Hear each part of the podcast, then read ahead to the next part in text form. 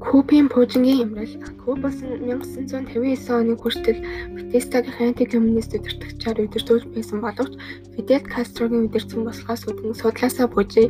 Кубын шинэ удирдагч болох Кастро нь коммунизмыг дэмждэг хүн байсан. Энэ нь Оросын тухайн үеийн удирдагч хөрмшив маш баяртай мэдэв байсан боловч Америкийн нэгдсэн улсын коммунист төлөвтэй байх нь байж боломгүй зүйл байсан.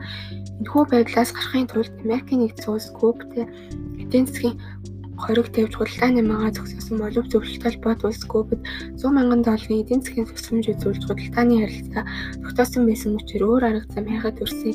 Өөрсдөө гар бие оролцохыг хүсээгүй тул Куби 1400 Кастрог зэргүүцдэг дөрвөгчдийг ашиглан тэдгээр зэр зэвсгийн тусламж үзүүлэн дайралтад бэлтгэсэн. 1961 оны 4-р сард эдгээр дөрвөгчид Пикс болон Кубын 20 мянган зэргийн эсрэг төлөвлөсөн бөгөөд ердөө 3 хоногийн өдөр ялагдал хүлээсэн.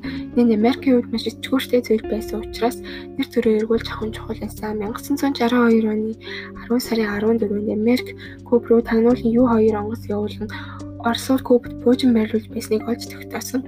Америк улс нь аль хэдийн Итали болон Туркид буужин байрлуулчихсан байсан тул Орос ижил байр суурь олж авахын тулд энэхүү үйлдэлийг хийсэн байж болзошгүй юм. Кубад байрласан тэдгээр буужингууд нь Америкийн нэгдсэн улсын томоохон мужуудыг бүхэлдэн бөмбөгдөх чадaltaй байсан учраас яаралтай хариу арга хэмжээ авах шаардлагатай байсан.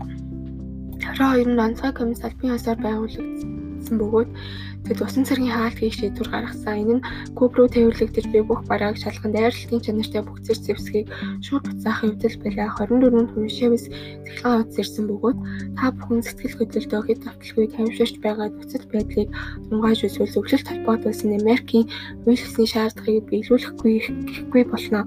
Гэвч зөвлөлт холбоотуулсан энэ явдлыг эзлэн төрөмгөөсөн үйлдэл гэж үзэж байгаа тул өөрийн хөлгөө онгоцуудаа энэхүү заврыг хэрэгсэхгүй байх тушаал өгнө гэж бичжээ. Гэвч Америкийн нэгдсэн улс Бэрт сүрээ хатуу бирж 25-ны өдөр хурайг албан ёсоор эхлүүлсэн. Зөвлөлт талбайд улсаас ирсэн 14 хөлөг буцаж Хрушевс тэхэн цахилгаан илгээсэн бөгөөд тохиролцох санал байсан. Тэрээр захианда Пуужин хамгаалалтын зорилгоор байрлуулсан бөгөөд хэрвээ Америкийн нэгдсэн улсын засгийн газраас Куб руу халтан давтлахгүй гэсэн баталгаа өгвөл нөхцөл байдал бүрэн өөрчлөгдөн хэмээжээ. Маргааш буюу 27-нд дахин захидлын явуулахдаа саналаа өөрчилсөн бөгөөд Америкийн нэгдсэн улс Туркээс буужингаа татсан тохиолдолд Куб дахь буужингаа авна гэж хэлсэн байсан. Кеннеди хоёр дахь захидлыг үл тон нэгдүгээр санал хүлээн зөвшөөрч байгаа илэрхийлэн мөн Турк дахь буужингийн талаар бодож үзэх амтан тохиролцоонд хүрсэн. Америкийн нэгдсэн улсын U2 онгоцыг Кубын нутаг дэвсгэртээр явж байхад нь Оросын тал удаж унгасан. Америк дэх буужингаа татсан бөгөөд нэр хүнд нь өндөрт хүрч илүү ихтэй болсон байлаа. Харин Хятад Оросын сул байдлыг анзаарн зайгаа барьж эхэлсэн.